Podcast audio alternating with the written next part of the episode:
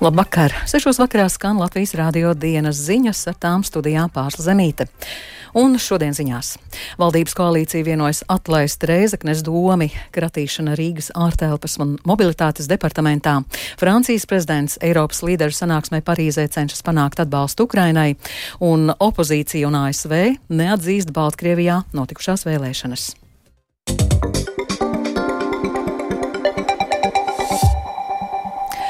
Valdības koalīcija vienojusies atlaist Reizeknes domi. Drīzumā izskatīšanai valdībā virzīs likuma projektu par domas atlaišanu, tā pavēstījusi vides aizsardzības un reģionālās attīstības ministre Inga Bērziņa no jaunās vienotības.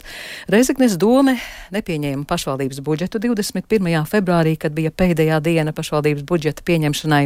Pērn Reizeknes domē konstatēja finanšu pārkāpumus, kas noveda pašvaldību pie bankrota. Plašāk Agnijas Lazdiņas ierakstā. Turisma nodeva Rīgā ieviesta no 2023. gada 1. janvāra. Tās mērķis ir gūt papildu līdzekļus turisma nozares Rīgā attīstīšanai. Nodevas likme no 2023. gada 1. janvāra līdz oktobra beigām bija 1 eiro par nakti, bet ne vairāk par 10 eiro par kopējo uzturēšanās laiku. Savukārt no novembra līdz gada beigām summa bija 89 centi par nakti, bet ne vairāk par 8,90 eiro par kopējo uzturēšanās laiku. Tā pieskaitīta pie naktsmītnes rēķina, un viesnīcām reizi ceturksnī tā bijusi jāatmaksā pašvaldībai. Kā skaidro Rīgas pašvaldības aģentūras Rīgas investīciju un turisma aģentūras direktora vietniece Ieva Lasmana, iekasētā summa ir ievērojams pienesums Rīgas turisma un mārketinga budžetam. Šos 800 tūkstoši, kas ir sākotnēji prognozēti, tie ir izmantoti darījuma turisma atbalsta programmai, pasākumiem dziesmu svētku laikā, daļai pasākumu, kas tika rīkot vecrīgā sadarbībā ar vecrīgas uzņēmējiem, un tad lielākā summas daļa, kas nedaudz vairāk par 300 tūkstošiem tika izmantot dažādām mārketinga un sabiedrisko attiecību kampaņām. Tāpat 200 tūkstoši eiro plānots tērēt darījuma turisma atbalsta programmai, 300 tūkstoši mārketinga kampaņām sadarbojoties ar avio kompānijām un dažādiem pasaules turisma ceļvežiem, 400 tūkstoši atbalstam lielu starptautisku pasākumu rīkošanai Rīgā un atlikušo daļu mārketingam. Latvijas viesnīcu un restorāna asociācijas prezidents Andris Kalniņš stāsta, ka ieviešot turisma nodevu bijušas daudzas neskaidrības, kas laika gaitā atrisināt samazinātas, tāpēc šobrīd nodeva tiek vērtēta pozitīvi. Šo nodevu Eiropā daudzas pilsētas ir ieviesušas, lai cīnītos ar turistu pārplūdumu.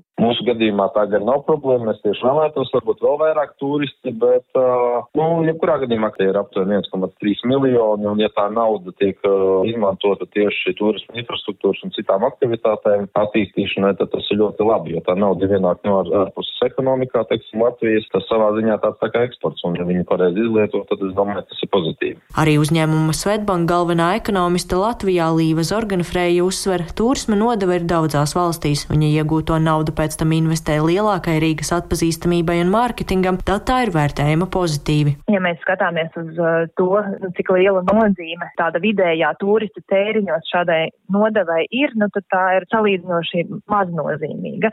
Ja uh, centrāla statistikas pārvalde uh, rēķina, cik viens turists iztērē parasti dienā Latvijā uh, eiro, un tie šobrīd, nu, teiksim, ņemot vērā to inflāciju, kas ir bijusi pēdējos gados, nu, tie varētu būt ap 60, 70 eiro, un tad, uh, attiecīgi, ja nodevas apjoms ir, teiksim, šis viens eiro, nu, tad uh, tie ir uh, viens ar pusi apmēram procenti tikai no tās dienas, dienas tēriņiem, kas, es teiktu, ir, nu, diezgan nenozīmīgs apjoms. Šogad prognozē, ka Rīgas turisma nodevā iekasēs 1,4 miljonus eiro. Agnija Lazdiņa, Latvijas radio radio.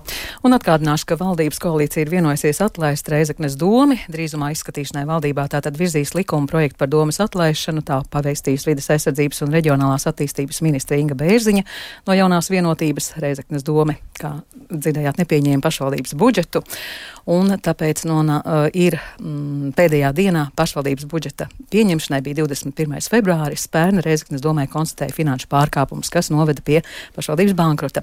Vienlaikus ar pārnām koalīciju koalīcijā par situāciju Reizeknē arī paši situācijas vaininieki Reizeknē valdošā politiskā partija kopā Latvijai preses konferencē skaidro, kāpēc nebalsoja par pilsētas budžetu un kā viņi redz turpmāko darbu Reizeknes domē. Atstādinātais Reizeknes domas priekšsētājs Aleksandrs Bartaševičs. Acīm redzami, ka budžeta izskatīšana notiks 7. martā. Tas ir kārta domas sēde. Visu laiku pārmet sazvērestību, ka mēs mēģinām sagatavot eh, situāciju, lai doma būtu atlaista. Tad es šeit oficiāli varu paziņot, ka nekad mūsu frakcijas mērķis, mans personīgs mērķis, nebija domas atlaišana. Rīgas domas ārtelpas un mobilitātes departamentā šodien korupcijas novēršanas un apkarošanas birojas īstenoja skratīšanu. Izmeklēšanas iemeslu KNAB nemīn un arī Rīgas mēram Vilnim Čirsim no jaunās vienotības šobrīd nav zināmi iemesli. Līdz ko mēs zināsim, ko vairāk, attiecīgi arī būs rīcība. 8. janvārī jūsu kolēģis Valdis Gavārs ir vērsies korupcijas novēršanas un apkarošanas birojā par uh, ceļu remontiem. Vai tas ir saistīts kaut kā ar šodienas ar to viņa vēršanos? Man nav nekādas nevienas, ne otras informācijas. Vienīgais, ko es varu operēt, es saprotu, ka tam nav saistība jā, ar šiem te iepriekšējās vasaras uh, ielu uzturēšanas darbiem. Bet es jautāju par 8. janvāru. Nevaru nevienā veidā, ne otrā atbildēt, ja nav nekādas atbildes gaidām. Un tā tad KNAB eh, viesojies departamenta direktora pienākumu izpildītāja Jāņa Vaivoda kabinetā un ar Vaivodu nec pašvaldības vadībai, nec arī žurnālistiem nav izdevies sazināties, bet Vaivoda vietā iecelta satiksmes organizācijas un projektu vadības pārvaldes priekšniece Rudīte Reveliņa. Pēc Latvijas radio rīcībā neoficiālas informācijas Vaivods ir aizturēts, un ja tas tā ir, tad atbildība ir jāuzņemas Čirsim un viņa kolēģim satiksmes un transporta lietu komitejas vadītājiem Olafam Pulkam. Tā uzskata domas deputāts un bijušais Rīgas mērs Mārtiņš Stāsts Stāķis no frakcijas progresīvie. Es jau nekad neesmu slēpis, ka es šim departamentu direktoru pienākumu izpildītājam, kurš bija bijušais Reimbakunga biroja vadītājs, neusticējos. Olas Pūks un Vilnis Čirs vienmēr uzņēmās personīgu atbildību par šo cilvēku. Atcerieties arī tad, kad mēs rosinājām izmeklēšanu, darīja visu, lai šī izmeklēšana nenotiktu. Tad, kad mēs rosinājām, ka jāorganizē satiksmes departaments, darīja visu, lai šo reorganizāciju atliktu. Nu, šobrīd tas ir novedis pie šādas situācijas. Nu, krimināla procesa nozīmē, ka pierādījumi ir savākti ļoti nopietni. Frakcija saskaņa tikmēr jau aicinājusi Čirsi un Pulku atkāpties no amata. Francijas prezidents Emmanuels Makrons Parīzē uzņem Eiropas līderus konferencē, kuras mērķis ir panākt spēcīgāku atbalstu Ukrainai. Par tikšanās mērķi stāsta Rihards Plūme. Dalībniekiem būs iespēja atkārtoti apliecināt savu vienotību, arī apņēmību sakaut Krievijas agresijas karu Ukrainā. Politiķi arī apspriedīs visus līdzekļus, lai efektīvi atbalstītu Ukrainu, un ar šo sanāksmi esot vēlme nosūtīt skaidru signālu Krievijai, ka tā negūs virsroku šajā karā. Jauni palīdzības paziņojumi nav plānoti, taču tiekšot meklēt veidi, kā darīt lietas labāk un izlēmīgāk. Vācija ar vidutāju starpniecību risina sarunas ar Indiju par Ukrainai paredzēto artilērijas lādiņu iegādi. Tā vēsta vācu laikraksts De Spiegel. Laikraksts norāda, ka Vācijas valdība par munīcijas iegādi varētu vērsties arī pie citām dienvidu valstīm. Turpina Rustam Šukūraus. Kā norāda Der Spiegel, Indijas rīcībā ir aptuveni 200 tūkstoši artilērijas lādiņu, ko tā varētu pārdot Vācijai. Tiek atzīmēts, ka sarunas tiek risinātas slepeni, jo oficiālā līmenī Ņūdelī joprojām saglabā labas attiecības ar Maskavu. Laikraksta avoti atzīmē, ka Berlīne pieļauj iespēju iegādāties Ukrainai nepieciešamo munīciju arī no Arābu valstīm, kurām esot ievērojamas artilērijas lādiņu rezerves. Savukārt laikraksta aptaujātie militārie eksperti norāda, ka šādas rezerves varētu būt Balkānu reģiona un Āfrikas kontinenta valstīs. Baltkrievijā vakar notika parlamenta un pašvaldību vēlēšanas, taču jau pirms tām bija skaidrs, ka tas ir valsts ilgadējā vadītāja Aleksandra Lukašenko autoritārā režīma diriģēts iestudējums ar iepriekš paredzamām beigām. Trimdā dzīvojušie Baltkrievu opozicionāri tās nodēvēja par viltus vēlēšanām, bet ASV norādīja, ka balsojums neatbilda nekādiem demokrātiskiem standartiem. Lukašenko vakardienas balsojumu izmantoja kā platformu, lai paziņotu, ka viņš ir nolēmis kandidēt 25. gada prezidenta vēlēšanās un vairāk par Baltkrievijā aizvadītajām vēlēšanām stāsta Uldis Čēzberis. Vakar notikušās vēlēšanas bija pirmās kopš 2020. gada augustā notikušajām Baltkrievijas prezidenta vēlēšanām, pēc kurām valsti pārņēma nepieredzēti plaši protesti. Pēdējos gados Baltkrievijā ir apspiesta jebkāda opozīcija, jo Aleksandru Lukašenko kritizējoši politiķi atrodas cietumā vai arī ir pametuši valsti. Baltkrievijā vairs nav arī neatkarīgu mediju un nevalstisko organizāciju. Vakardienas vēlēšanās varēja piedalīties kandidāti tikai no četrām politiskajām partijām, kas atklāti ir paudušas savu lojalitāti Lukašenko, bet citas partijas diskvalificēja no vēlēšanām. Trimdā dzīvojošā Baltkrievijas opozīcijas līderes Jatlana Cihanovska aicināja tās nesaukt par vēlēšanām. The people of Belarus see through this sham, this facade of democracy. Baltkrievijas iedzīvotāji redz cauri šai viltus demokrātijas fasādē, un ir būtiski, lai arī starptautiskā sabiedrība to saprastu. Mums ir jābūt nelokāmiem, tāpēc nedrīkstam atzīt šīs vēlēšanas un to rezultātu likumību. Baltkrievijas iedzīvotāji ir pelnījuši patiesas, godīgas un taisnīgas vēlēšanas, ko šis noziedzīgais režīms nevar nodrošināt un nenodrošinās. Baltkrievijas iedzīvotāji ir izrādījuši neticamu drosmi un izturību, saskaroties ar apspiešanu, tāpēc mums ir nepieciešams nepieciešams jūsu nelokāmais atbalsts mūsu centienos pēc taisnīguma un demokrātiskas pārvaldības. Savukārt Cihanovskas vecākais padomnieks Franāks Viečorka sacīja, ka vakar Baltkrievijā tika izspēlēts farss. Для людей эти выборы не имеют никакого значения, не имели никогда. Не имели... Cilvēkiem šīs vēlēšanas neko nenozīmē, nekad arī nav nozīmējušas. Tā ir tradīcija no padomu laikiem, kad cilvēki rada iespaidu, ka balso, bet vara tēlo, ka skaita balsis. Lukašenko tas bija ģenerāla mēģinājums pirms nākamā gada vēlēšanām.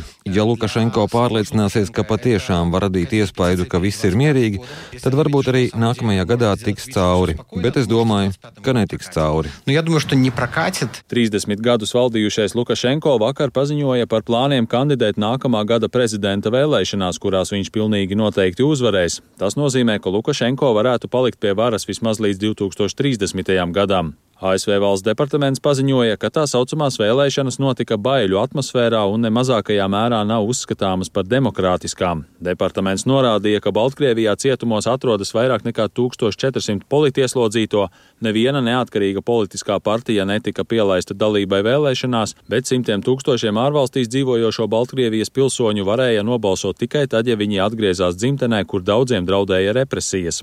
ASV aicināja Lukašenko režīmu izbeigt represijas, atbrīvot visus politieslodzītos un sākt dialogu ar politiskajiem pretiniekiem. Baltkrievijas tauta ir pelnījusi ko labāku, bija teikts valsts departamenta paziņojumā. Uldis Česberis, Latvijas radio.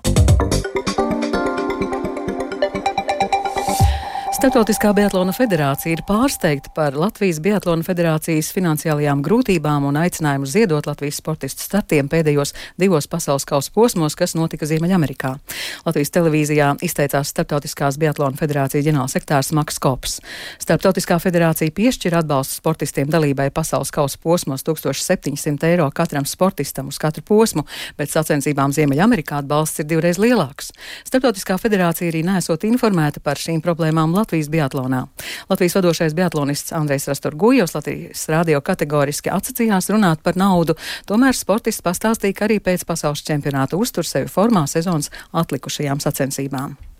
Trīs, trīs ar pus stundas veltītām cītīgi strādāju, uzturot to savu formu un arī palielinot tieši to attīstīt vairāk jaudu spēku tagad, kas ir diezgan arī patērēts, ir bijis pēdējās divu nedēļu laikā. To jāatgūst, un, lai varētu tālāk būt konkurētspējīgām uz nākamajiem pasaules kausa posmiem.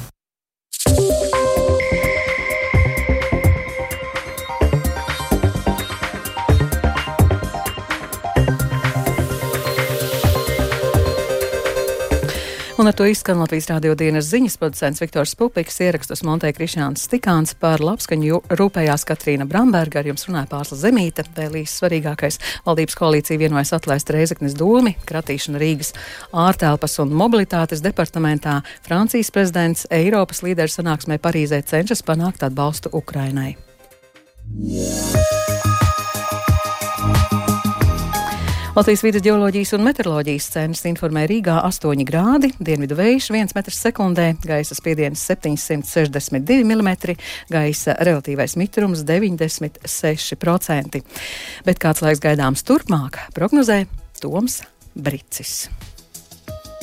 Līdz trešdienai vēl bieži gaidāms lietus, debesis būs apmākušās, vējš būs mainīga virziena un pārsvarā lēns, tādēļ daudz vietā gaidām arī dūmaka un migla.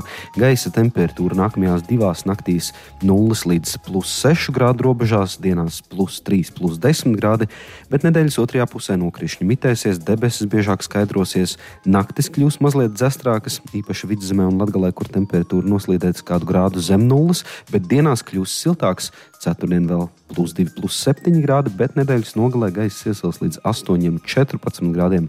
Bieži spīdēs saule.